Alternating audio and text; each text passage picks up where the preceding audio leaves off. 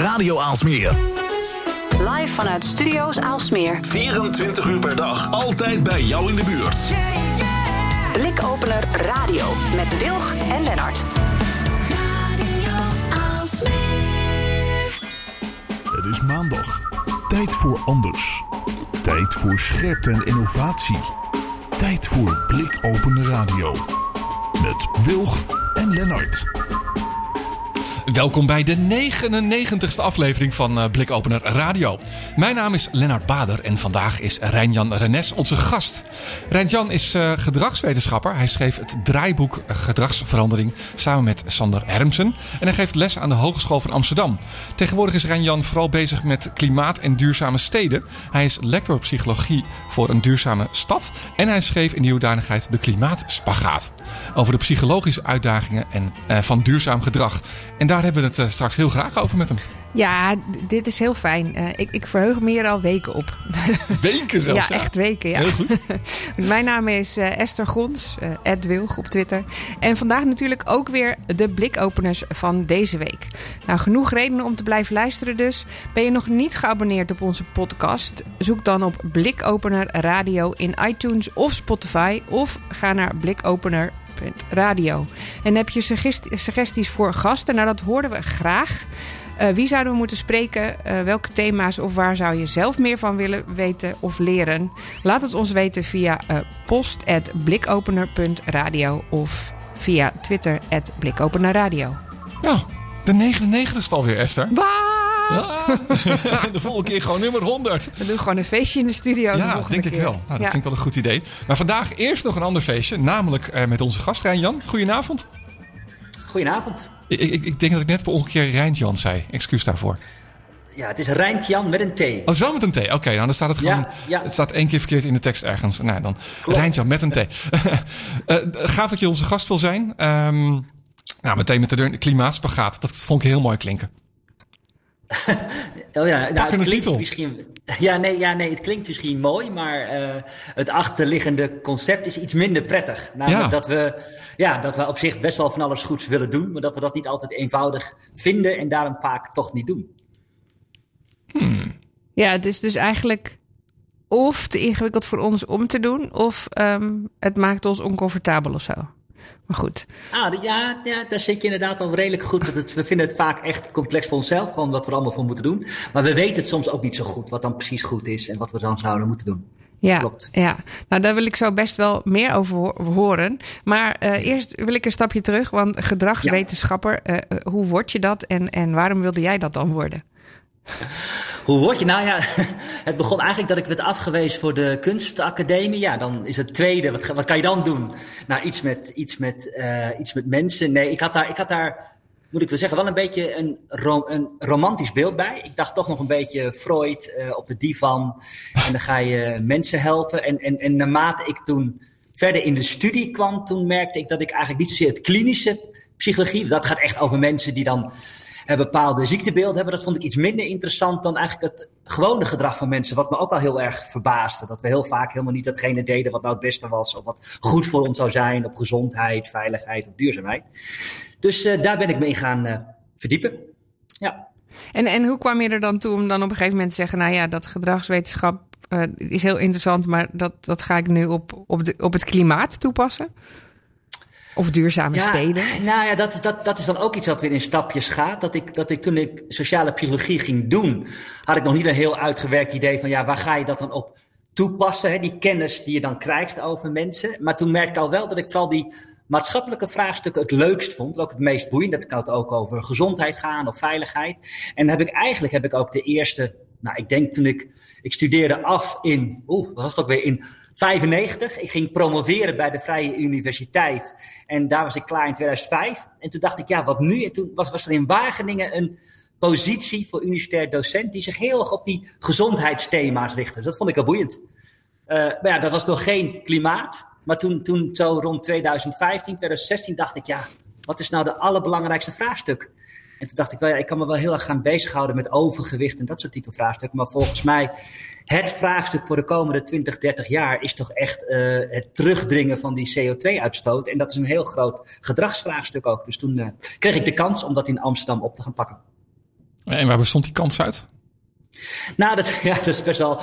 In die zin, uh, ik werd benaderd. Ik was toen, op dat moment had ik een onderzoeksgroep in Utrecht. Daar ja. zat ik al zes, zeven jaar met die onderzoeksgroep. En toen werd ik benaderd of ik iemand wist uh, om een onderzoeksgroep in Amsterdam rondom psychologie en duurzaamheid uh, op te pakken. En toen heb ik nog binnen mijn onderzoeksgroep in Utrecht gevraagd van, goh, is er iemand die dit wil? En toen wilde niemand. En toen zei ik tegen Amsterdam, nou ja, dan wil ik misschien wel.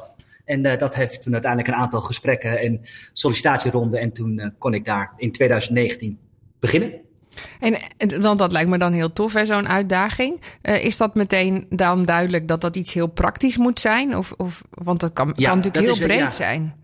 Klopt. Nee, maar dat is inderdaad ook wel een groot verschil. Want ik ben dan inderdaad uh, lector. Dat is dan eigenlijk ben je dan een hoogleraar op een hogeschool. Dus een onderzoeksgroep op een hogeschool. En het verschil tussen een academische hoogleraar is dat hij echt kijkt naar fundamenteel onderzoek. En dan is de wetenschap op zichzelf al heel erg relevant. Terwijl wat wij wel kijken is hoe kun je die kennis uit die wetenschap toepassen in de praktijk. Dus welke vraagstukken spelen in de praktijk. En dan moet ik heel eerlijk zeggen dat Amsterdam ook nog eens een keer een cadeautje is voor iemand die helemaal geïnteresseerd is in klimaat en gedrag, omdat zij wel op heel veel terreinen voorlopen. Is een heel GroenLinks college. Dus eigenlijk, uh, ja, de vraagstukken liggen er voor het oprapen.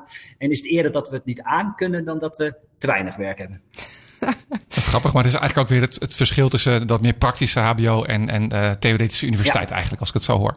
Ja, ja, ja, dat is dat. En je ziet wel dat nu de universiteiten ook wel steeds meer bezig zijn om uh, hè, natuurlijk heel goed naar de maatschappelijke relevantie van hun onderzoek te kijken. Maar daar waar dan toch nog uiteindelijk universiteiten vaak wel afgerekend worden op de artikelen die ze schrijven en of je wel hè, op voldoende hoog niveau je wetenschap uitvoert, zie je wel dat bij ons uh, is een wat breder ja, wij, ja, bij ons wordt ook gewoon gekeken, maar met wie heb je dan in het veld contact? Uh, waar komen je onderzoeksresultaten dan uiteindelijk terecht? Uh, wat voor soort projecten start je op met die praktijk? Dat is toch vooral waar, wij, waar bij ons naar gekeken wordt. Ja, want ik kan ja. me zo voorstellen dat je als je dan zo'n project opstart, dat je ook wil kijken, wat, wat moet nou het doel zijn? Of hoe kan ik hier überhaupt gedrag mee uh, gaan veranderen? Nou ja, sterker nog, ja, dat, Nee, ja, dus ja, dat is eigenlijk precies wat jij zegt. Wat we eigenlijk altijd doen, is we starten sowieso met iedere.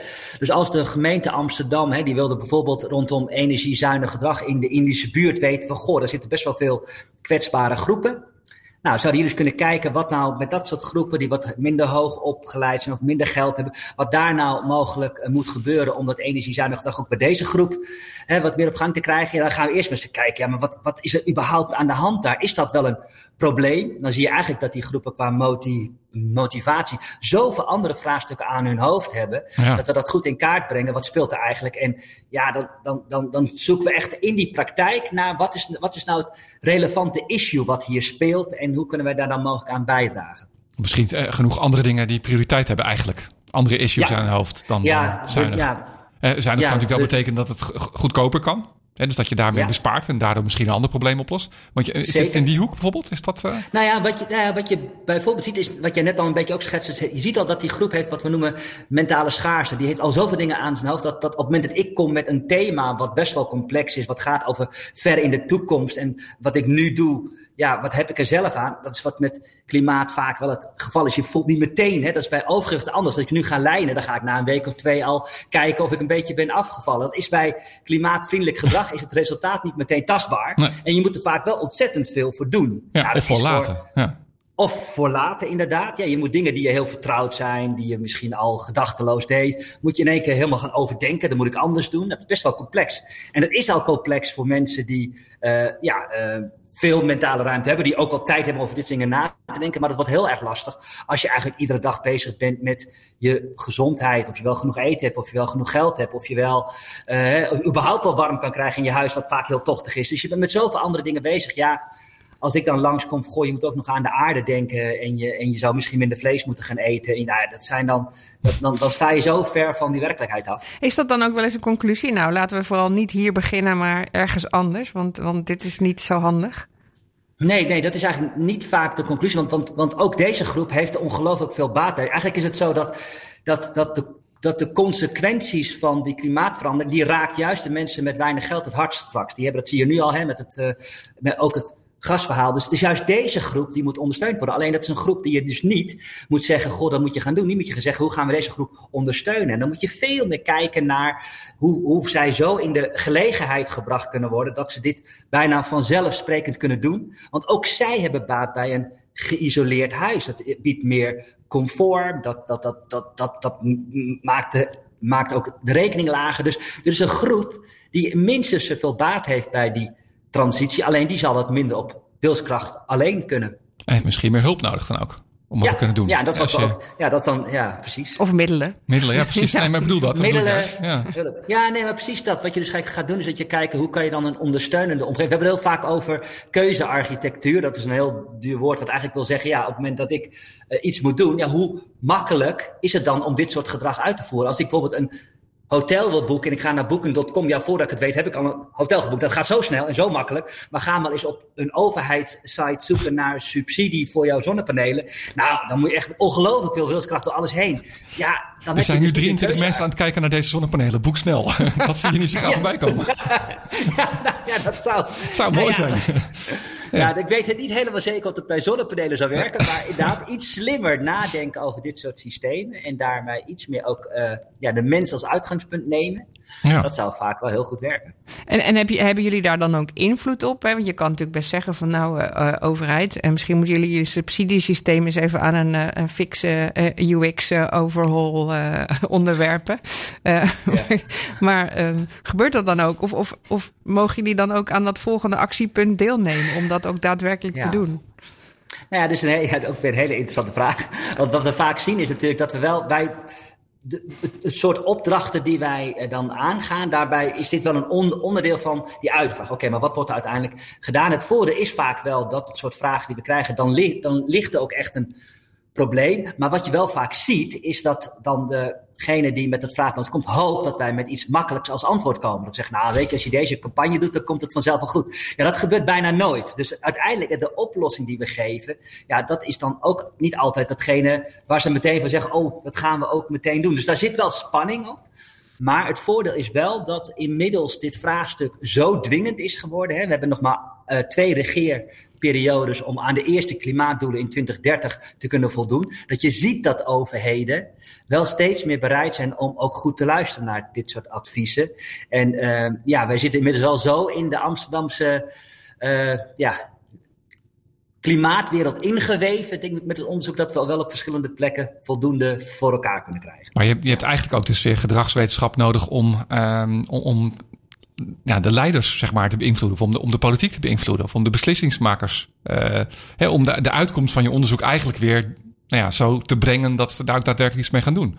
want wat je zei, ja, ze verwachten de makkelijke oplossing. Nou, die is er niet. En dan kom je met iets moeilijkers. Dan zeggen ze niet meteen van, ah, wil ik wel. Maar dan, dan moet je eigenlijk bijna weer dezelfde techniek op toepassen dan. Nou ja, het is wel heel. Nou ja, het is wel grappig dat je dit zegt. Wat, wat, wat, wat wij wel altijd heel erg proberen uit te zoeken is van. Uh, ja, hoe, hoe kunnen we ze ook echt helpen? Ook, kijk, ook diezelfde politiek of een ambtenaar, ja, die zit ook weer in een context die het ook soms moeilijk maakt om datgene wat echt nodig is ook echt te gaan doen. Dus wij kijken ook daadwerkelijk wel met hen samen naar wat zou dan een eerste stap in ieder geval kunnen zijn die past. En dan hoop je maar dat we een langejarige uh, termijnstrategie hebben om samen steeds weer een stap verder te gaan. En uh, ja, ik merk, ja, nogmaals, ik merk wel dat dat nu steeds makkelijker gaat. Nu ook de druk om tot resultaten te komen toeneemt. We zien gewoon hoe steeds meer dit vraagstuk in die samenleving ingeweven wordt. En dus ontstaat er ook frictie, er ontstaan ook problemen. Mensen doen toch niet helemaal wat iedereen bedacht had. Ja, en dan zie je dat die overheid steeds vaker zegt: oké, maar wat moeten we dan wel doen? Dus, dus het is een beetje naar beide kanten toe wordt naar elkaar toe bewogen. Hm. Interessant. Interessant. Ja. Ja, ik vind het ook wel mooi dat je dat zegt. Want ik, want eh, ik, heb, ik heb wel eens discussies dan nog met, uh, met mensen uit de politiek die dan zeggen: uh, ja, maar goed, klimaat is een van de problemen. Terwijl het voor mij vaak is zoiets van: hallo, maar dit is het basisprobleem. Als dat niet alvast verweven is in alles in de politiek, dan hebben we sowieso een probleem. uh, maar jij zegt dat, dat zie je toch wel terugkomen in alle acties van, van bijvoorbeeld een stad of nou, je gemeentelijke ziet het politiek. ja, nou, ik vind wel dat je steeds meer, ook zowel op landelijk niveau, want ik zit ook in een expertteam rondom EZK, waar eigenlijk uh, klimaat in hun dossier ziet. Je ziet wel dat steeds meer, zowel op landelijk als op lokaal niveau, het besef ontstaat dat klimaat inderdaad een vraagstuk is wat op alle dimensies. Het gaat ook namelijk over gezondheid. Het gaat ook over veiligheid. Dus eigenlijk wat je nu vaak ziet, is dat de minister van Financiën eigenlijk de minister van iedereen is. Eigenlijk zou dat langzamerhand dat de minister van Klimaat ook degene is die naar alle ministeries mag gaan vragen. En wat doen jullie inmiddels al om die doelen te halen? En dan helpt het heel erg dat ooit in 2015 best wel dwingende klimaatdoelen gesteld zijn. Waarin iedereen zich nu aan moet voldoen. Dus die klimaatminister die wordt denk ik steeds belangrijker en krijgt steeds meer in, invloed. Nou, die hebben we het voor het eerst. Ja, ik was die is voor het eerst niet, toch? Ja. Ja, we maar nog wel. hiervoor niet. We hebben, ja, maar we hebben nog niet kindje van de economie. Klopt, maar we hebben inderdaad nog geen eigen klimaat. Het is een klimaatminister die, als- die geen eigen ministerie Ministerie heeft, maar inderdaad. ja. Ja. dus dat moet nog wel gebeuren. Maar het is ook hierin weer, denk ik, iedere stap is er weer één. Ja. En je zei net al even van dat ehm, nou ja, de, de, ehm, de, de, de, in, in de achterstandsbuurten of mensen met weinig inkomen, eh, dat zijn eigenlijk de mensen die het eerst geraakt worden door de gevolgen van, ehm, van, van de, eh, nou ja, de, de klimaat, Klimaatverandering. klimaatverandering. Ja. Kun je, kun je daar eens wat meer over vertellen? Hoe, hoe, hoe, moet ik dat zien? Is het alleen maar, ja, de gasrekening gaat omhoog. Hè? Nou, dat, kan, dat heeft allerlei oorzaken. Hè? Want, eh, nou, kijk nu alleen maar naar de situatie in de wereld. Hè? Ja. Nee, maar het zit hem ook zit in datgene wat. Ja, dat zit hem in datgene dat klimaatverandering dat leidt tot weersextremen. Dus het kan, kan ontzettende hitte in de zomer zijn, of dat kan in de winter kunnen dat, eh, of in de herfst kunnen dat ongelofelijke regenbuien zijn. Of- En, en dit kan je op twee niveaus zien. Je kan gewoon kijken wat zie je in een stedelijke omgeving. In die verstedelijkte gebieden zijn het vaak de wijken die gewoon slechter onderhouden zijn, die het meest extreem dit soort gevolgen ervaren. Mm. En dat zijn ook de mensen die vaak het minst in staat zijn om daar weer naar te handelen. Dus dat klimaatadaptief handelen, hè, van goh, ik probeer mijn omstandigheden zo te maken dat ik iets robuuster tegenover dit soort grotere hittes. Ja, dat zit juist vaak bij dit soort partijen. Die zijn er veel minder goed in staat om dat goed te kunnen organiseren. En als we het nog groter trekken, zie je dat, dat op globaal niveau juist de gebieden waar, waar, waar, ze, waar, waar steeds minder water komt, dat zijn vaak de mensen, de eerste mensen die daar niet goed mee om kunnen gaan. Dat zijn de mensen die daar niet weg kunnen, of die, die niet de middelen hebben om op andere manieren aan water te komen. Dus je ziet het zowel op globaal als op lokaal gebied, dat dit juist de groepen zijn die het eerste niet in staat zijn om hiermee te kunnen dealen. Ja, maak het extra.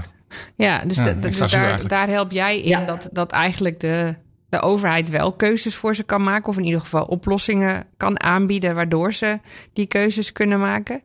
Ehm, Maar we hadden het net al, al over die klimaatspagaat. Hè? Dus daar zeg jij van, nou ja, hoe kan het eigenlijk dat steeds meer mensen zich zorgen maken over het klimaat? En dan hebben we dus ook mensen die wel die keuzes kunnen maken. Dus misschien wel wat breder bedeeld zijn. Maar nog steeds niet iedereen massaal die, die keuzes daadwerkelijk maakt, zeg maar. Dus, dat, Nee. dus terwijl je weet dat het gebeurt. Ik, ik, ik Ja. vind dat een hele interessante vraag eigenlijk. Ja.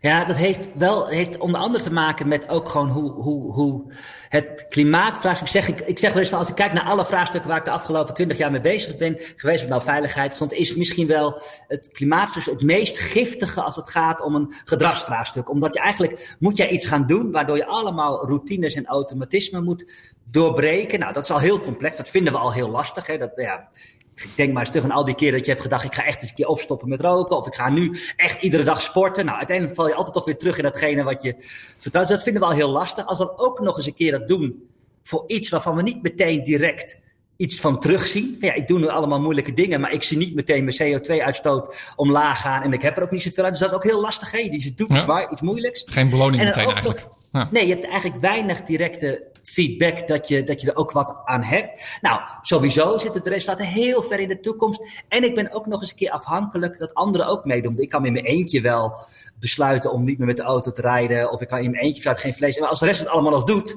is het probleem nog net zo groot. Dus Ja. het is een En waarom zou ik het dan doen als de rest het ook niet doet? Waarom, ja, Toch? precies. Dan Omdat ze psychologische druk en dat soort dingen, ja. Ja, nee, dus, dus, op het moment, dus, dus, dit, dus, dus dit is een vraagstuk wat vanuit de psychologie zoveel valkuilen heeft. En eh, dan, dus dan kan het best zijn dat je het echt wel weet en dat je het zelfs wel wil, maar dat je het uiteindelijk toch niet doet. En dat is dan die motivational gap, noemen we dat ook wel. Ik, ik noem dat dan de klimaatspagaat, maar eigenlijk is het een motivational gap. Dat, dat tussen dat willen en dat doen er te veel elementen zitten die ervoor zorgen dat we het niet doen. En daar moeten we dus met z'n allen nu serieus werk van gaan maken. Ja, want ik, ik, ik, ik hoopte toch op iets hoopvollers dan van ja, het is moeilijk en we kunnen het eigenlijk allemaal niet. nee, nee maar, maar, dat is het interessante dat we natuurlijk de afgelopen twee, drie jaar hebben gemerkt. Dat was natuurlijk voor gedragswetenschappers een soort revolutionair iets. Dat we in één keer zagen dat we massaal als samenleving ander gedrag gingen vertonen. Dat was al jaren, hebben we elkaar elke keer gezegd, ja, dit gaat niet gebeuren. Met. Mensen kunnen niet massaal in één keer iets wat ze al jaren doen. Nou, we gingen geen, uh, geen geen handen meer schudden. We gingen afstand houden. We gingen in één keer massaal handen wassen. Dus het blijkt dat er wel degelijk omstandigheden zijn. En dat heeft onder andere te maken met dus een hele duidelijke zichtbare urgentie. Dat is één. Ja. Gevaar, gevaar, gevaar. Ja. ja. en dat is lastig, want dat, dat, dat is, dit is geen oproep om dat uh, opeens heel erg te gaan roepen. Maar het helpt wel als er dan bijvoorbeeld een overheid is, een minister-president, die gewoon plenair dit serieus neemt, die ook uitspreekt naar een samenleving. Dit is nu op, op dit moment een van de aller, allerbelangrijkste vraagstukken. En daar zit een aantal, wat ook een voordeel was, dat er een OMT was die zei: van, ja, dit zijn de vijf dingen die we gaan doen. Ja. ja, op het moment dat tegen mij gezegd zou worden: er komt een landelijke persconferentie wordt ons verteld dat we echt, als het gaat om het klimaat, nog maar acht jaar hebben. En het is ongelooflijk belangrijk dat we als samenleving daar nu de volgende stappen in gaan zetten. En dat zijn dit, dit en dit. En daar gaan we de komende twee jaar met z'n allen hard aan werken. Ja, dan voel ik iets meer urgentie dan nu een campagne die iedereen doet wat roept en verder, ja, hoor je niks. Dat je eigenlijk elke, uh, dus eh, vanuit, vanuit uh, de gedragswetenschappen rol, zeg maar, zou het dus eigenlijk heel goed zijn als er bijvoorbeeld elke maand of nou ja, misschien wat onregelmatiger uh, persconferentie zouden zijn om gewoon even een soort van voortgang uh, of om mensen bij te praten of om die urgentie zeg maar extra onder de aandacht te brengen. Eigenlijk zoals het bij corona gegaan is. Ja, en, en er zit ook een gevaar in, omdat ook rondom corona een soort vermoeidheid ontstond. Dus je moet heel goed gaan nadenken. Maar ik vind wel degelijk. Kijk, ik vond wat je net ook al zei, dat je de voortgang bewaakt. Het zou heel mooi zijn als we met elkaar gaan vaststellen. Oké, maar wat is het dan? Ja. En wat zouden we nou rondom klimaat even aan de burgers kunnen vragen? Je zegt dat gaat over reizen. Nou, daar moeten echt veranderingen gaan. Dus dat gaat over wonen, daar moeten veranderingen ontstaan. Het gaat over eten, daar moeten veranderingen ontstaan. En dat gaat over hoe wij consumeren. Maar dan kan je best wel met elkaar afspraken gaan maken. Oké, wat gaan we in reizen sowieso binnen twee jaar bereiken? En dat gaan we bijhouden? Wat gaan we rondom eten nou? En nu is bijvoorbeeld, om even heel concreet eten. 38 kilo gemiddeld vlees per jaar eten we. Dat is al 30% meer dan eigenlijk de gezondheidsraad zegt dat we zouden moeten doen. Dat is een gemiddelde. Dat betekent dus dat ik eet bijna geen vlees. En er zijn mensen die veel meer vlees eten. Dat is niet alleen voor het klimaat niet zo goed, dus ook voor je gezondheid. Nou, als we nou zouden zeggen, jongens, 38 kilo, dat kan echt niet. Dus wat we gaan doen, we gaan, nou, laten we eens kijken of we op 20 kilo per persoon gemiddeld per jaar kunnen komen. Ja. Nou, dat is een heel concreet, dan gaan we ook monitoren. We gaan gewoon kijken. En dat, vond ik, dat vind ik dan wel... Toevallig de week zonder vlees. Ja, dus ook, ook dat. Maar ik vind het ook wel een grappig voorbeeld, want volgens mij was het vorig jaar of dat jaar daarvoor, nou ja, het, kan ook pre-corona zijn, ik ben de tijd een beetje kwijt, uh, zoiets als we moeten echt minder vlees gaan eten. Hè? Dus laten we vooral kijken naar plantaardige oplossingen. Uh, en het werd eindelijk een beetje iets meer urgenter gemaakt in in het nieuws ook. Uh, want daar valt natuurlijk ook van alles over te zeggen. Uh, en toen bleek het jaar daarna dat we eigenlijk meer vlees dan ooit hadden gegeten. Terwijl ik dacht, oh, we zijn toch, het komt in het nieuws, we zijn een beetje op de, op de goede weg. We proberen het te balanceren. Ja, maar dat, dat is dan een effect dat je misschien ook wil weten hoe dat dan komt. Is dat dan een aantal, want anders kan je het niet aanpakken. Is dat dan een aantal mensen? ja, nou, dit is precies, vind ik, een heel mooi voorbeeld waarbij we nog steeds in een samenleving zitten. Waar die wij de ruimte geven aan alle soorten bedrijven en commerciële instellingen om vlees overal maar in te stoppen. Dus het is best wel zo dat wij als consument zijn we gewoon wel minder ja, bewust andere dingen gaan eten. Dus dat zijn we wel gaan doen. Maar op als je kijkt hoe wij tegenwoordig eten, we grazen de hele dag door. En zonder dat we het doorhebben, zitten heel veel producten toch ook nog wel vlees. Dus als je gewoon nu naar een supermarkt gaat, is, is gewoon alleen al vleesvervangers versus gewoon vlees, is dat verhouding geloof ik 4% tegen 96%. Dus, dus daartussendoor moet je dan op zoek naar datgene wat dan plantaardig is. Of, dus, dus op het moment dat dat aanbod op alle mogelijke manieren naar ons toe wordt gebracht, ja, dan kan je wel bewust eh, soms een andere keuze maken. Maar dan zie je dat we nog steeds inderdaad in die vleesconsumptie blijven stijgen. En daar, dat moet je gaan reguleren. Zeker nu we wel zien dat de bereidheid om minder vlees te eten en meer plant, dat neemt steeds meer toe.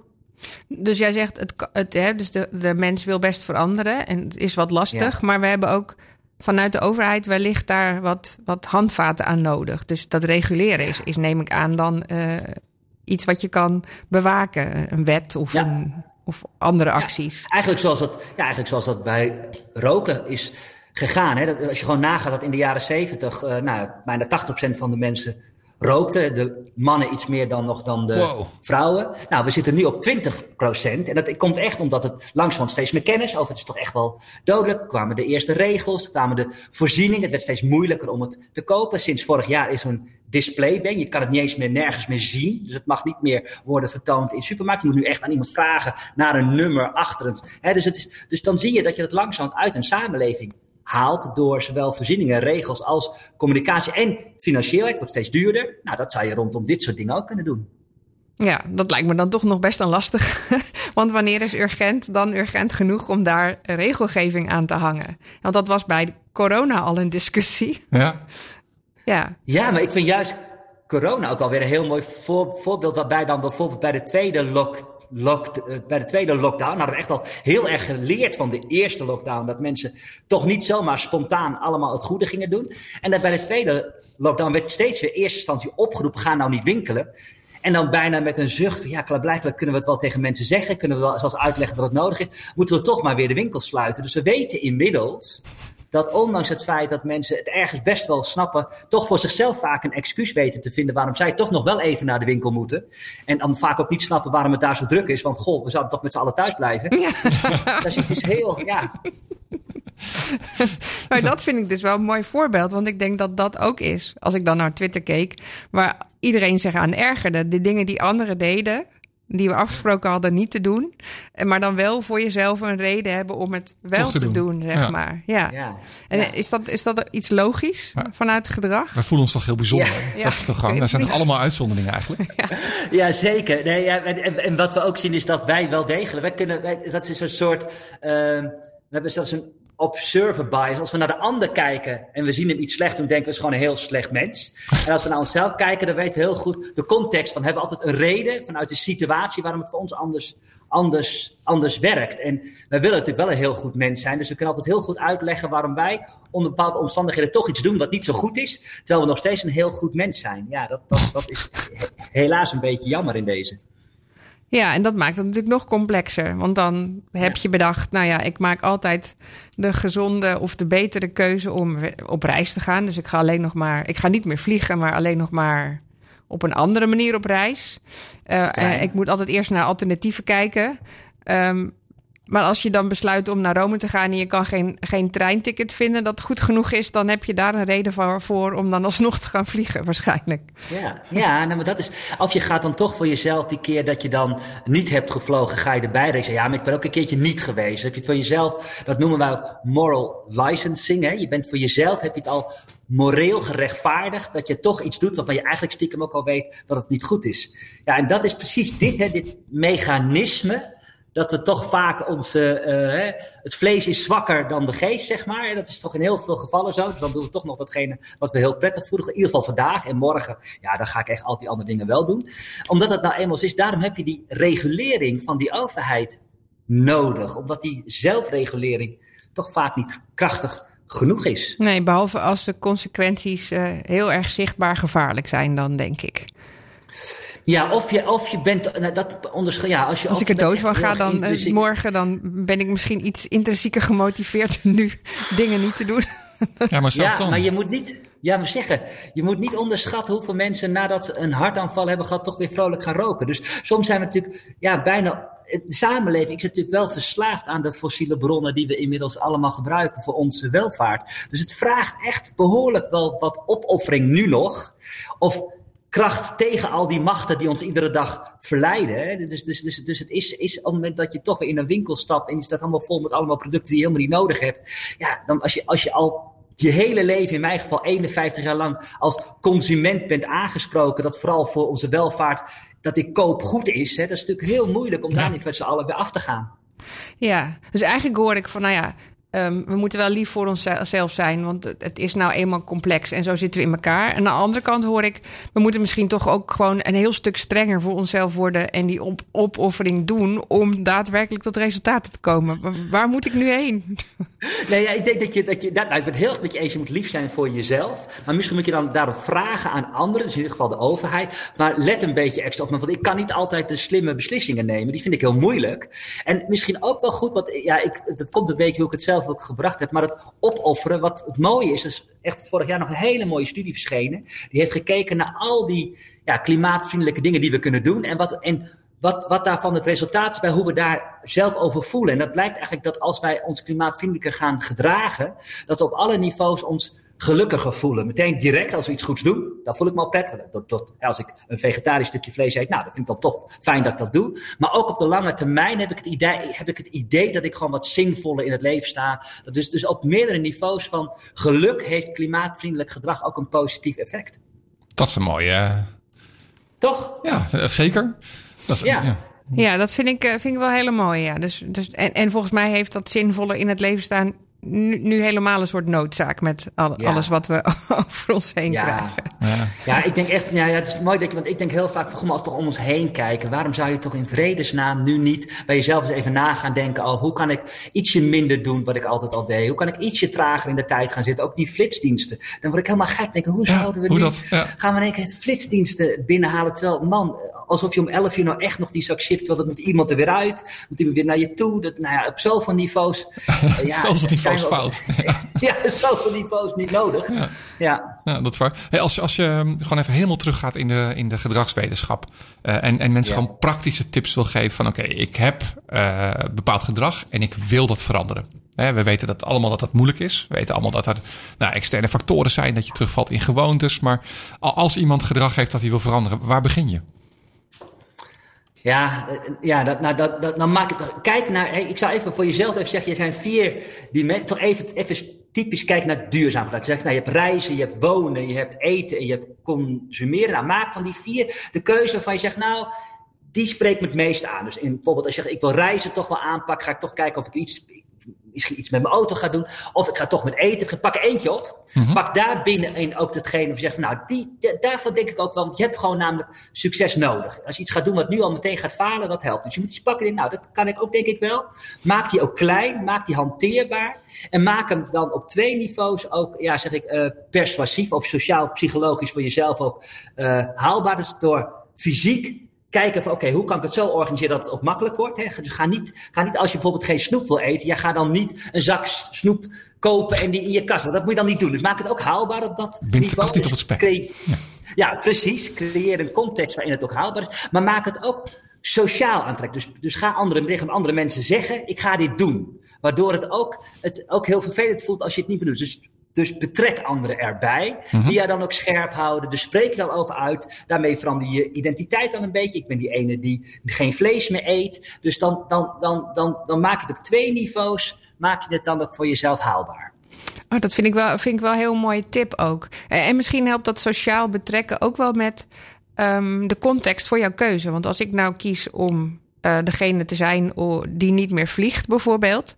Um, Maar ik eet nog wel af en toe een stukje vlees. Dan is het ook handig als die ander dan weet. Maar jij doet al aan niet vliegen en ik wel. Dus ik kan jou niet heel erg gaan lopen uh, aanvallen op Twitter. omdat jij wel dat stukje vlees had gegeten. Want ik heb die keus nou op die manier gemaakt. En we kunnen niet alles tegelijk. Zou ik, zou ik wel dat, fijn vinden. Ja, dat laatste. Want ik zou dan wel hopen dat je zegt: Oké, dit is de eerste, die doe ik niet. En dat is ook het mooie. Vaak je als mensen eenmaal het genoemd, dat hun identiteit al een beetje vergroeit, uh, vergroent. Het wordt al een, En dan ga je ook denken: hoe kan ik nou dan nog vol? Ga ik vlees aanpakken? Ja. En zo ga je elke keer een stapje verder. En de hele dag met je eens. Het heeft totaal geen zin als mensen je gaan beschuldigen van wat je niet doet. Ik hoop dat we vooral kijken naar de stappen die je wel zet. Ja. En dan elke keer weer een stapje verder. Ja. Ja, je kan niet allemaal in één keer. Dus om, om, iemand nou te zeggen, je doet dat niet, dus de rest is ook niet goed, is niet zo handig dan, denk ik. Nou, je ziet heel vaak ook, dat vind ik ook wel sinds ik eigenlijk uh, echt met, met mijn onderzoek me op klimaatrecht. Ik heb nog nooit zo vaak de vraag uh, gesteld gekregen, maar wat doe je zelf dan? Alsof je dus niet hier onderzoek naar mag doen. Dus ja, dat denk ik. Zonder ja, je zelf het doet, oké, okay. interesting. Ja, ja, ja, en ik vind, het, ik vind het voor een deel. Hè, ik ben ook echt, het zou heel gek zijn als ik nog alles zou doen. Dus ik ben daar, maar ik, uiteindelijk weet iemand echt wel iets bij mij te vinden wat ik dan nog niet doe. Ja, daar kun je heel veel aandacht aan gaan besteden. Maar je kan ook, ook het, gaat er mij volgens mij meer om dat met z'n allen het idee van uh, CO2-uitstoot. Als ik, nog één vergelijking te maken. We zijn nu sinds twee, drie jaar ons ontzettend bewust geworden van afstand. Voorheen ja, konden we ook wel eens vervelend vinden als iemand dichtbij kwam. Het had meer over persoonlijke ruimte. Maar, maar nu is afstand is een soort afwegingskader geworden. Waar ga ik naartoe? Kan ik daar wel voldoende afstand houden? Nou, dat neemt nu alweer een beetje af. Omdat ik zou willen dat we op eenzelfde manier gaan nadenken over CO2. Dus, hey, wat koop ik eigenlijk? Wat doe ik eigenlijk? Kan ik dat wel maken? Dat betekent dat je soms bewuste keuze neemt om het wel te doen, maar je neemt het mee in je afwegingskader. Net als geld. Hoeveel kost dit op geldniveau, maar hoeveel kost dit ook in CO2-uitstoot? Nou, dat zou heel mooi zijn als dat gewoon een onderdeel wordt van ons nationaal afwegingskader bij alles wat wij doen. Ja, ja, dat vind ik heel mooi, ja. Ik heb dat dus ook wel eens geroepen. Van moeten we niet, moet iedereen die, iedereen die het kan, want volgens mij moet je wel die, al die complexe problemen van eerder deze avond niet in je hoofd hebben. Niet bij elke keuze die hij maakt, klimaat altijd meenemen in de impact en de afweging. Maar ja. dan zit de moeilijkheid er natuurlijk in hoe. Want die, ik weet niet altijd de CO2-uitstoot van een product dat ik koop. Nee, klopt. Uh, dus dat is misschien uh, iets wat... Dat, ja. Dat, dat, er is een um, Scandinavische supermarkt die op zijn kassabonnetjes de impact van de CO2-uitstoot van jouw aankopen in totaal ja, heeft een Noors supermarkt was dat. Ja, dat was een Noors supermarkt. En uh, zij konden daadwerkelijk meten dat er verschil dat er gedragsverschil was in die aankopen. Dus dat mensen gingen kijken van wat heb ik dan echt uh, ja. voor impact op dat op die CO2 gehad. Dus meetbaar maken eigenlijk. Ja, dus misschien, Of, of in ieder geval, als je die beslissing dan wil nemen... en, en, ik, en ik zou dat heel graag willen, hoe doe ik dat dan? Daar moet, dat, moet je dan in geholpen worden. Ja, heel erg. We hebben een fast fashion project in Almere met jongeren. En dan zie je al dat jongeren ergens wel weten dat ook kleding. Hè, wel, ten eerste weten ze vaak eigenlijk niet wat, hoe heftig ook de hele kledingindustrie op die CO2 uitstoot. Dus dat weten ze vaak niet. Dus ook echt toch wel een gebrek aan kennis. Maar dan zeggen ze ook vervolgens: ja, maar ik zou echt niet weten waar ik dan wel moet zijn voor, voor, voor ja, goede kleding, hoe dat dan werkt. En dus dan, ik ben het heel erg met je eens. En dan gaat het over dat als de motivatie eenmaal alweer aan het stijgen is, je dan ook een context moet gaan creëren waarin het ook steeds eenvoudiger wordt om dit soort afwegingen ook te kunnen maken. En dat ontbeert nu eh, grotendeels. En dat zou weer een, een vraag kunnen zijn waarvan ook de overheid zegt, we gaan ook nu bedrijven vragen, om industrie vragen van jongens, ondersteun ook de consument bij de keuzes maken. Ik heb pas nog dat de, dat de Albert Heijn nu net heeft aangekondigd vorige week dat ze willen gaan kijken hoe ze veel meer plantaardig standaard kunnen maken hm. in de keuzes van mensen. Ja, dat lijkt me bijvoorbeeld al iets wat je dus aan supermarkten zou kunnen, zou kunnen vragen. Eigenlijk om het steeds laagdrempeliger te maken om, uh, om die verandering door te kunnen zetten. Ja, en ook ruimte te geven aan mensen die het goed willen doen, om ze daarbij te helpen. Je hebt heel vaak, dan gaat het over nudging. Hè, dus eigenlijk mensen een duwtje geven om het goede te doen. Maar dat gebeurt soms zonder dat we het doorhebben. Worden we dan hè, een beetje wat altijd wat als voorbeeld de vlieg in de wc. Waardoor mannen automatisch heel, heel erg netjes gaan uh, plassen. Daar denken we niet over na. Dus niet iets dat ik actief denk, oh daar ga ik. Nee, dat gebeurt gewoon. Nou, dat is nudging. Maar een ander iets waar we het nu net over hadden. Hè, dat je mensen inzicht wil geven in hun koopgedrag. Dat gaat meer over boosting. Dat je eigenlijk een supermarkt creëert waarbij ik ik wil best wel goedkoop, maar ook wordt geholpen bij de informatie die er voor mij staat. Zegt, nou Rijnt, je kan, je kan uh, dit, dit stukje vlees kopen, maar dat is zoveel CO2. Dat geven we ook een label rood. Maar je kan ook dit, dat is een alternatief. Dat geven we een label groen. Dat helpt mij dan ja. in eigenlijk dat ik ook best wel het goede wil doen. Ja, in, in plaats van dat de supermarkten nu um, eigenlijk het, het, op de andere manier inzet. Namelijk van je gaat altijd eerst door de groente heen. Zodat je even de goede dingen in je karretje hebt staan. Waardoor je daarna denkt, ja, dan kunnen die slechte dingen er ook wel bij. Ja, precies. Ja, en dan zelfs tot aan de toonbank. Dat je ook ja. vanuit gezondheidsperspectief ook nog even die ene reep meeneemt. Want dan ben je helemaal moe en alles. En dan dat... je je jengele kinderen ook nog bij. Na denk je, kom, ik verdien die reep. Ja, dat, ja, dat is de... Ja, dat is psychologie natuurlijk ook weer. Dat is ook weer gedragswetenschap. Je hebt al een, een fascinerend vak. Zeker, maar zouden ze nou diezelfde... Ja, wat mooie zou zijn als ze nou dit soort inzichten zouden inzetten voor duurzaamheid... in plaats van voor het verkopen van allemaal onzinnige producten... dan zouden we een heel eind, heel eind zijn. Ja, dus we moeten het systeem even ombuigen van uh, winst eerst... naar uh, impact en, en verandering eerst. Nou, dat lijkt nou me ja, heel makkelijk. Het idee van een, Nou, maar het idee van kijken naar een brede welvaart in plaats van wat niet alleen maar financieel gaat, maar het gaat inderdaad ook over geluk, gaat over onze relatie met de aarde. Als dat een onderdeel zou worden van hoe wij onze omgeving inrichten en we dus ook aan bedrijven vragen, ja, leuk dat je hier in onze samenleving een plek inneemt, maar je hebt ook een verantwoordelijkheid. Net zo goed als we aan elkaar ook vragen, hallo, je bent naast consument ook burger, dus doe soms ook je burgerplicht. Kan je natuurlijk ook aan bedrijven vragen, ja, doe gewoon ook je burgerplicht. Ja. Je bent onderdeel van deze samenleving. Nou, laten we dat dan ook duurzaam in gaan richten. Ja, ik vind het helemaal niet zo gek. Nee. Ik kan me ook voorstellen dat er. Eh, zie jij bij jou op de opleiding dat er nu meer studenten zijn die, um, die dit vak willen gaan doen? Ik kan me zo voorstellen, als ik dit nu zou horen ook, dat ik denk van jeetje, maar het gaat op zoveel vlakken, kan dit enorme impact hebben. Hè? Uh, zeker mensen die.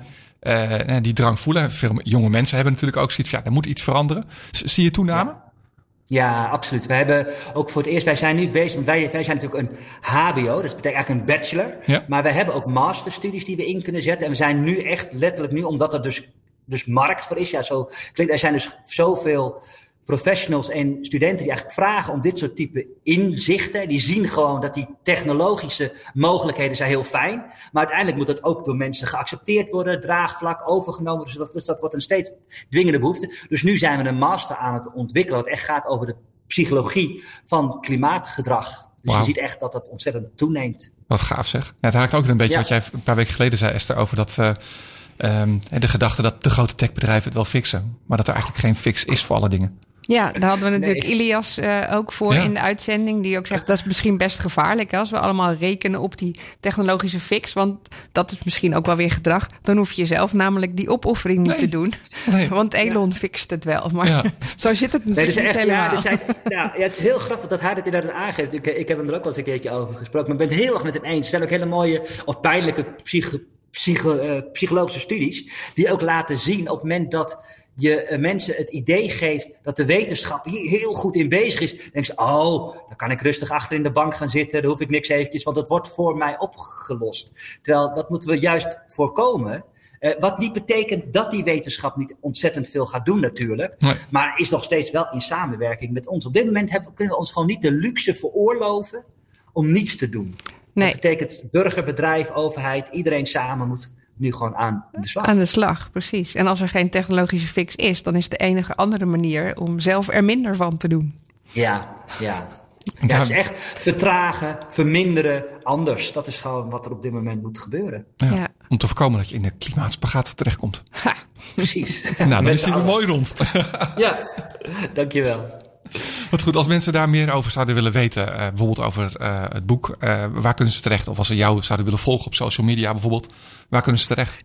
Ja, dat is gewoon onder mijn eigen naam. Dus dat ben ik, ben ik gewoon heel makkelijk te volgen met Randjan Renes via Twitter in ieder geval. nou ja, daar, daar ben ik ook relatief actief. En als je de klimaatspagaat is gewoon gratis online te krijgen. Hij is inmiddels al belachelijk veel gedown, gedownload. Maar die kan je gewoon online lezen, downloaden.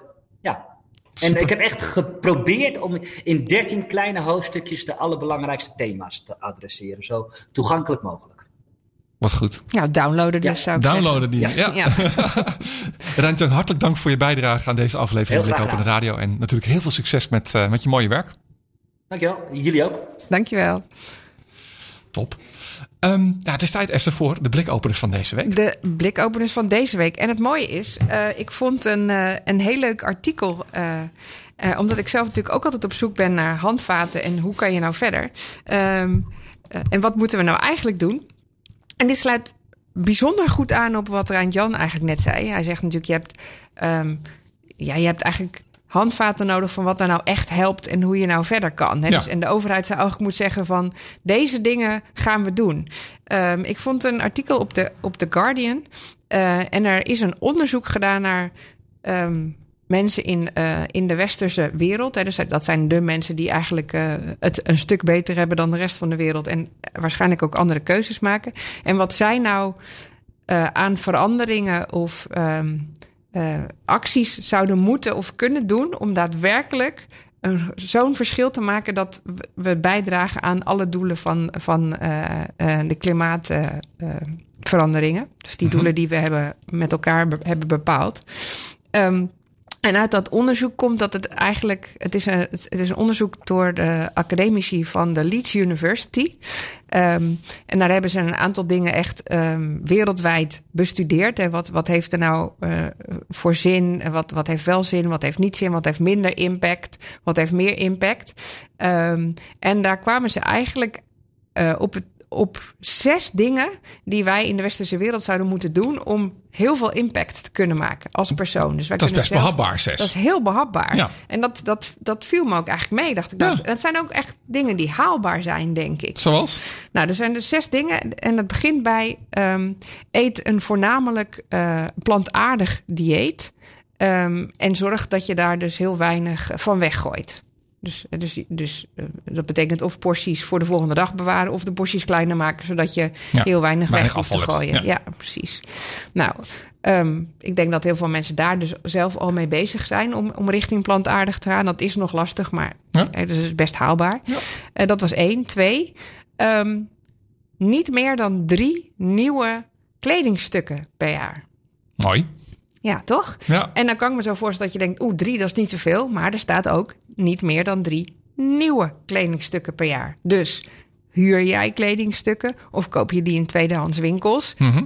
dan eh, eh, kun je dat dus wel blijven doen. Het gaat Ja. om die, die nieuwe Het kledingstukken. gaat niet om ondergoed of sokken, maar het gaat echt om. Drie nieuwe kledingstukken per jaar. En, en dat is natuurlijk best eh, nou ja, goed om over na te denken. Want Rijntjan zei net al, er is heel veel invloed van die, van die, van die mode op, op het milieu. Dus hoeveel impact dat wel niet heeft op, op, eh, nou ja, van alles eigenlijk.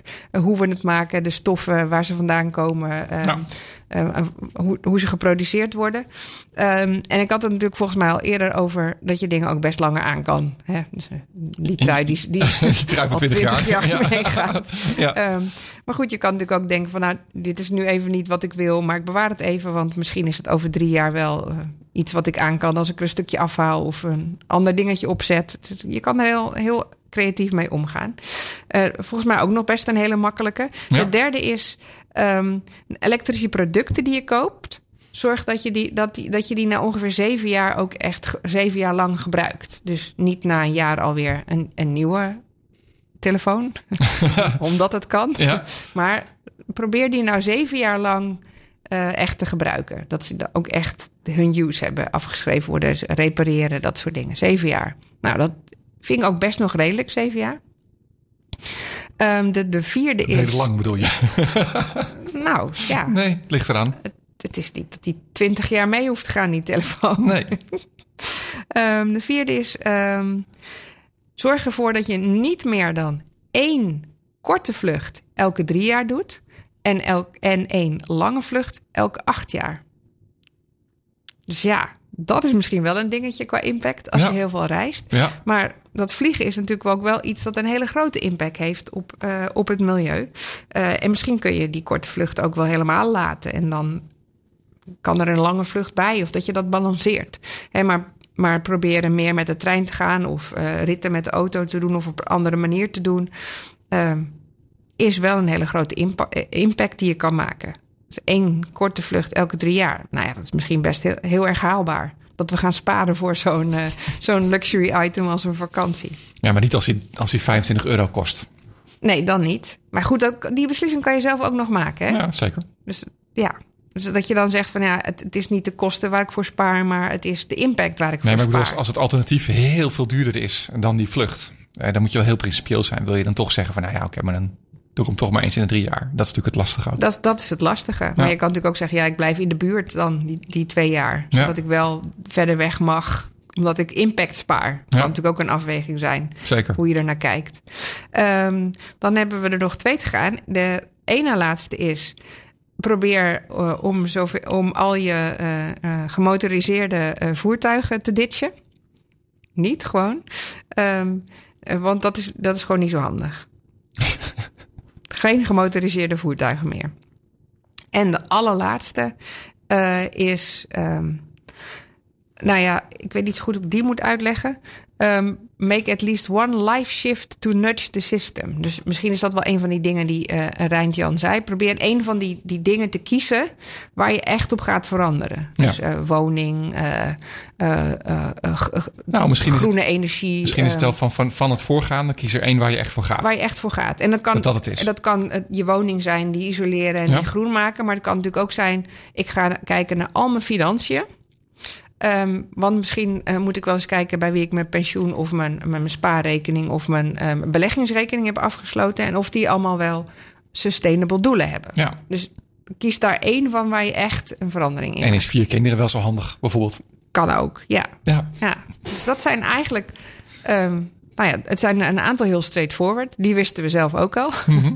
uh, maar het zijn hele simpele dingen waar je echt uh, heel veel impact mee kan maken. En als we die met z'n allen doen, dan kunnen we dus het verschil gaan maken.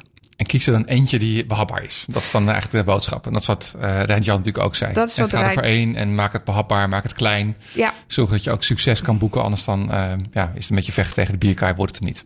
Nou, er staat hier ook van, nou, probeer dan um, deze stappen, het zijn eigenlijk zes stappen die ze benoemen, uh, probeer er dan ook iedere keer één te nemen en, en die in één tot zes maanden aan te pakken en dan naar de volgende te gaan.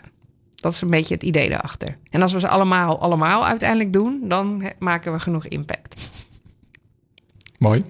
Mooi, hè? Ja, ja. dat was uh, in Lastig ieder geval... ook, maar... Ja. De, nou ja, wat ik mooi vond aan, aan deze is dat het... Um, dat het dingen zijn die onderzocht zijn. En dat het eigenlijk hele praktische tips zijn... waar je verschil mee kan maken. Waardoor het ook allemaal minder vaag wordt. Ja. Dus ja, ik weet wel dat ik iets van met minder eten moet... en iets met die CO2 en vliegtuigen. En, maar ik weet niet precies welke nou impact hebben. Ja. Maar hier is het gewoon heel duidelijk. Dit, hier is onderzoek naar gedaan. Deze zes dingen hebben impact genoeg om als burger te gaan doen. Dus laten we dit nou met z'n allen gaan doen. Ondanks alle verleidingen en dat soort dingen waar je aan blootgesteld wordt... wat Randjan natuurlijk ook net weer zei. Ja. Super lastig allemaal. En, en uh, nou ja, ik weet niet of je laatst uh, jas, las ook dat er uh, nu een, bijvoorbeeld een aanklacht loopt tegen de NOS...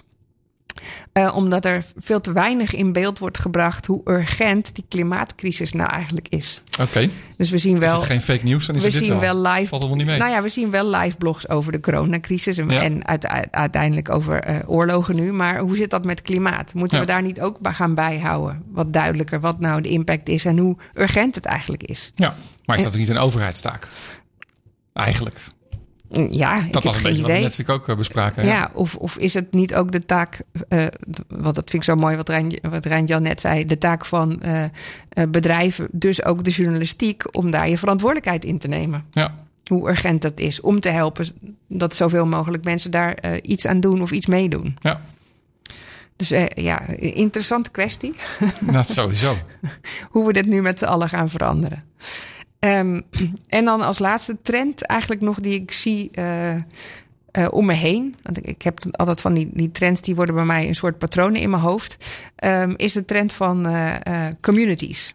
Okay. En daar zien we natuurlijk al heel lang communities ontstaan. Hè, die, op Twitter, we zien heel veel social media en, en, en mensen die zich groep, groeperen om dingen. Maar wat ik nu echt zie is dat er um, groepen mensen ontstaan die zich vooral vanwege die impact en die verandering die ze willen brengen met elkaar verenigen. Omdat ze zeggen: uh, ja, het lukt toch niet helemaal vanuit die overheid en die bedrijven, maar het moet wel nu gebeuren. Mhm. Wij willen er van onderaf voor gaan zorgen dat het ook daadwerkelijk gebeurt. En dat zie je nu eigenlijk in, over heel veel.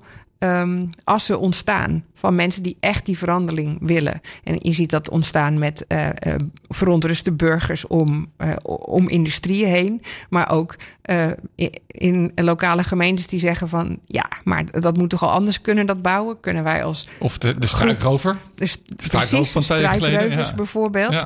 Ja. Um, dat zijn groepen mensen die zeggen... nee, maar het moet echt gewoon nu anders. Ja. Wij wij zorgen ervoor dat er een community ontstaat. We wachten die niet op de overheid, maar we helpen de overheid Precies. eigenlijk. En zorgen dat het gewoon al een ding wordt, zodat de overheid daar ook in mee wordt. En dat zie je dus, dat zie je dus eigenlijk uh, van lokaal tot globaal zie je dat heel erg sterk gebeuren. Dat Mhm. zie je lokaal gebeuren van, uh, nou ja, bijvoorbeeld de stru struikrovers, maar ook uh, gemeentes waarin burgers opstaan en burgerinitiatieven rondom bijvoorbeeld wonen voor jongeren nu gaan creëren.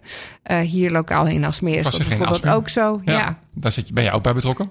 Ja, uit, Nieuw, Nieuw Aalsmeer. Nieuw Aalsmeer. Ja. Maar je ziet dat ook wereldwijd, waarin er in ingewikkelde dingen als de blockchain en Web3 communities ontstaan die zeggen, maar wij vinden um, bos en uh, ontbossing, dat mag echt niet gebeuren, want dat kan echt niet meer. Laten wij er hier met z'n allen nu wat aan doen door hier een wereldwijde community te vormen waar we dat gaan bewaken. Mm -hmm. En ook echt voor gaan zorgen dat het niet meer gebeurt. En hoe kunnen we dat met z'n allen doen? Ja. Uh, en ik denk eigenlijk dat die, dat soort communities die van onderaf zeggen: nee, maar het gebeurt niet snel genoeg bij overheden, dat we daar dus de meeste verandering van kunnen gaan zien. Het is wel grappig, want het is een soort parallel, denk ik, met open source software. Bijvoorbeeld, hè? Ja, dat, dat mensen zich wel, eigenlijk ja. uh, groeperen en iets uh, nou ja, vrij beschikbaar willen maken, wat, wat zich kan meten zeg maar, met, met uh, de software die commerciële partijen maken. En daar echt ook enorm veel tijd in willen stoppen en om dat allemaal goed te willen doen, zeg maar. Daar, daar doe ik wel een beetje aan denken als ik het zo hoor. Ja, ja wat, wat ik heel erg zie vanuit die communities die, die, die je nu ziet ontstaan, is, is zo van waar wij kunnen nu op dit moment, wat wij belangrijk vinden, is die verandering, is de aarde en die purpose, hè, dus die impact. Wij willen dat, omdat dat het meest belangrijk is voor ons. Ja. Als burger, als wereldburger. Uh, terwijl de bedrijven en de overheden nog veel meer, veel te veel denken vanuit. Ja, maar wij moeten hier ook winst uit behalen. Of, uh, Kiezers of, ja. of dat soort dingen. Ja. Maar die die mensen die van onderaf zeggen van... maar dit is nu belangrijk, dit moet er veranderd... die hebben, die hebben dat niet. Die, die reageren alleen vanuit... nee, dit is het doel. Wij willen, wij willen deze purpose of deze, dit impact willen we behalen. En dat is het aller, allerbelangrijkste. En dat kan dan ook op die manier veel makkelijker, denk ik. Want je zit niet nog in de klit met... ja, maar hallo, we moesten ook winst maken. Hoe gaan we daar dan mee om? Of, uh... Maar je moet wel de impact bereiken ook weer. Dus dat vergt ook wel... Ja, maar dat zie je dus wel omdat er dus heel makkelijk mensen aansluiten die bijvoorbeeld wel bij een bedrijf zitten of uh, maar vanuit die omdat het eigenlijk purpose gedreven is, Mhm. dat daardoor die golven wel ontstaan en dat je veel makkelijker dingen los kan trekken. Hm. Heb, je, heb je voorbeelden? Um, nou ja, één zo'n, community is ja, misschien gewoon een, een nieuw Asmeer eigenlijk. Hè? Dus um, waarin we zei, zeggen van nou ja, we moeten nu maar de overheid zegt zelfs, we moeten nu meer gaan bouwen voor jongeren. Ja. Uh, de gemeente zegt, maar het zit op slot, want regelgeving, um, plekken waar we niet mogen bouwen en de provincie vindt dit en dat. Ja. Uh, en nu hebben we vanuit uh, burgerinitiatieven eigenlijk gezegd, maar het kan best als we creatief omgaan met regelgeving en kijken naar flexibele bouw. Ja. Er zijn um, ondernemers lokaal die zeggen, wij vinden woningen voor jongeren heel erg belangrijk, want wij willen dat uh, onze gemeente uh, toekomstbestendig is en we willen die jongeren hier ook houden.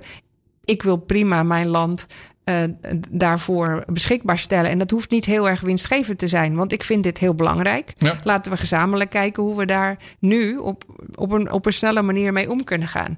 En, en dus is er een groep mensen die een, een, hele beleidsnotitie met randvoorwaarden heeft geschreven uh, om de gemeente te helpen. En een, en een hele lijst van uh, landeigenaren die zegt: Dit wil ik best tegen een iets minder commerciële prijs doen dan dat ik normaal gesproken zou doen. Want dit, dit moet gewoon gebeuren in onze gemeente. Purpose. Purpose, ja. Mooi. En een mooie afsluiter voor deze 99ste aflevering van Blik Open de Radio.